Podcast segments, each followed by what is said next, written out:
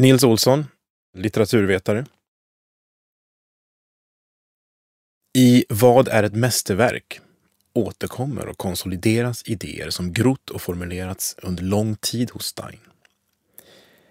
Mästerverket ska förstås som synonymt med en autentisk konst, ett i någon mening åtminstone modernistiskt konstverk som uppfyller vissa kriterier som Stein identifierar som nödvändiga för att en konstnärlig praktik ska kunna uppbära en tillräcklig sanningshalt. Sanningsanspråket, även om hon själv inte använder den termen, är absolut för Stein, men i en mycket specifik bemärkelse. Det autentiska eller levande konstverket är aldrig någonting som avbildar verkligheten, fångar den eller ens förmedlar någonting verkligt. Det avgörande är istället att konsten utgör ett stycke verklighet, framställer sig som en händelse, något som äger rum i världen i egen rätt. Och det betyder att den som skriver, om vi talar om litteratur, måste sätta parentes kring alla relationer till det som omger och föregår yttrandet. Konstverket är inte sekundärt i förhållande till världen. Kanske är det till och med tvärtom, någonting som pekar ut historiens riktning. Och den autentiska, genialiske konstnären en föregångsgestalt, riktningsvisare. Men därmed också någon, likt Stein, dömd till att ständigt missförstås. För mästerverkets egenskaper är alla sådana att de inte bekräftar den rådande smaken eller de givna formerna för att artikulera sig. I den bemärkelsen finns det inga skäl att ifrågasätta det geni som Stein identifierar sig som. Den som röjer ny väg såväl skapar som synliggör ny verklighet och kan inte förstås annat än retrospektivt. Det är därför mästerverket hos Stein är någonting ovälkommet, onyttigt, oanvändbart. Det är därför allting är emot det. Det är därför det måste vara överskridande och absolut originellt. Det är därför det saknar början och slut, precis som historien gör. Det är därför det är en enhet som måste frånsäga sig all identitet. Det är därför det står i motsättning till gängse livs-, konst och artikulationsformer. Och det är uppenbarligen därför det finns så få av dem.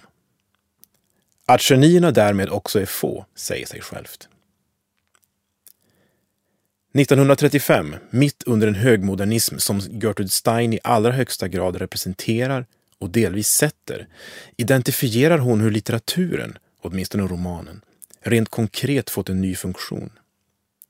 Nya media. Hon skriver radios, cinemas, newspapers, biographies, autobiographies har frånhänt litteraturen dess tidigare uppgift att förmedla händelser, vad som hänt, vad som händer. Det finns inte längre någon spänning i att förmedla händelser, inte ens de fiktiva. Och kanske är det ingen tillfällighet att Friedrich Kittler 50 år senare nästan ordagrant faller Stein i talet när han beskriver hur litteraturens funktion förändrats under den moderna mediehistorien. I vilket fall är det uppenbart att konsten blivit en exklusiv artikulationsform här, vars halt och verklighetsgrad inte har att göra med på vilket sätt den värld vi redan kan identifiera som vår verklighet avbildas genom ett bekräftande estetiskt raster. Med en något klyschig och reducerande formulering kan man säga att litteraturens funktion härmed har blivit att definiera vad som är möjligt att säga genom att säga det som inte är möjligt. Men för att lyckas med detta måste den framställa sig som ett läte, oljud, som spontant särspråk. Ett mästerverk är någonting som är skapat, i kreativ bemärkelse. Men eftersom språket föregår oss och utgör litteraturens befintliga förutsättning är det lika mycket en fälla som en möjlighet. Det gäller att producera yttranden i ett continuous present. Yttranden som i varje ögonblick supplementerar språket genom att inte förutsätta någonting om yttrandets villkor. Eller om en eventuell lyssnare eller läsare eller överhuvudtaget om det språk som föregår och betingar yttrandet. Ett skapande språk är ett språk som yttras som om det inte kommunicerade. Det är blott en händelse. Och som skapande är det ett språk som blir till, är i tillblivelse.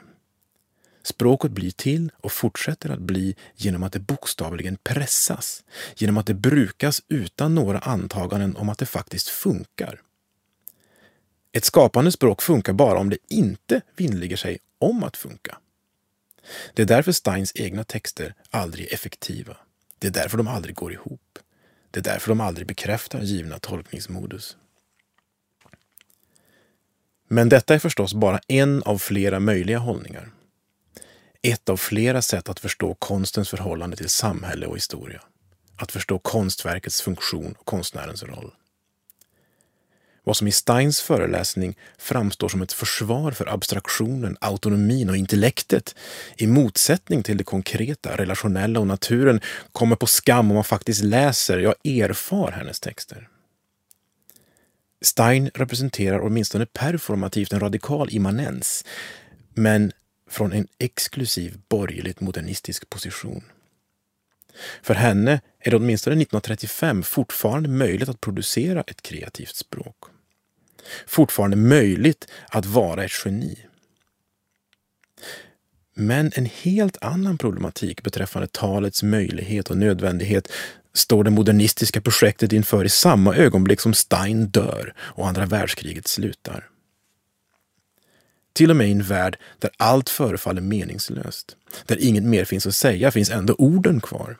Det vill säga möjligheten till litteratur. Här blir Beckets berömda slutrader i Den onämnbare närmast oavvisliga. Oavsett hur vi ska förstå vad som händer när vi ställer Stein bredvid Beckett, vilket jag dristade mig att göra här i morse. I vilket fall så trängde sig Beckets rader på när jag nu läste om vad är ett mästerverk. Beckett skriver Jag ska alltså fortsätta. Jag måste säga ord, så länge det finns några. Jag måste säga orden tills de hittar mig, tills de nämner mig. En underlig plåga, en underlig skuld. Jag måste fortsätta. Det är kanske redan gjort. De kanske redan har nämnt mig. De kanske har fört mig till tröskeln av min historia, till dörren som öppnar sig mot min historia. Det skulle förvåna mig om den öppnar sig. Det kommer att vara jag. Det kommer att vara tyst på den plats där jag är. Jag vet inte. Jag kommer aldrig att få veta. I tystnaden vet man inte. Jag måste fortsätta. Jag ska fortsätta.